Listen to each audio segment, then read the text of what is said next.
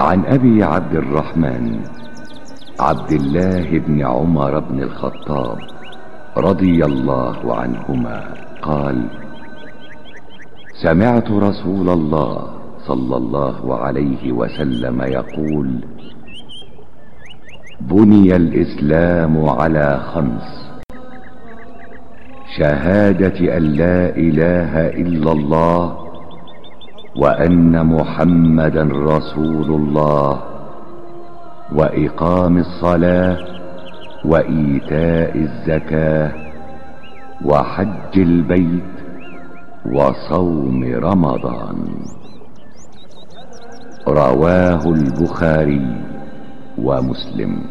od Ebu Abdurrahmana Abdullaha ibn Omera ibn al-Hataba radijallahu anhu prenosi se da je rekao Čuo sam Allahovog poslanika sallallahu alaihi ve sellem kako kaže Islam je sazdan na pet stubova. Svjedočenju da nema Boga osim Allaha i da je Muhammed Allahov poslanik obavljanju namaza davanju zekata hodočašću Kabe i pošćenju Ramazana. Hadis zabilježili Buhari i Muslim.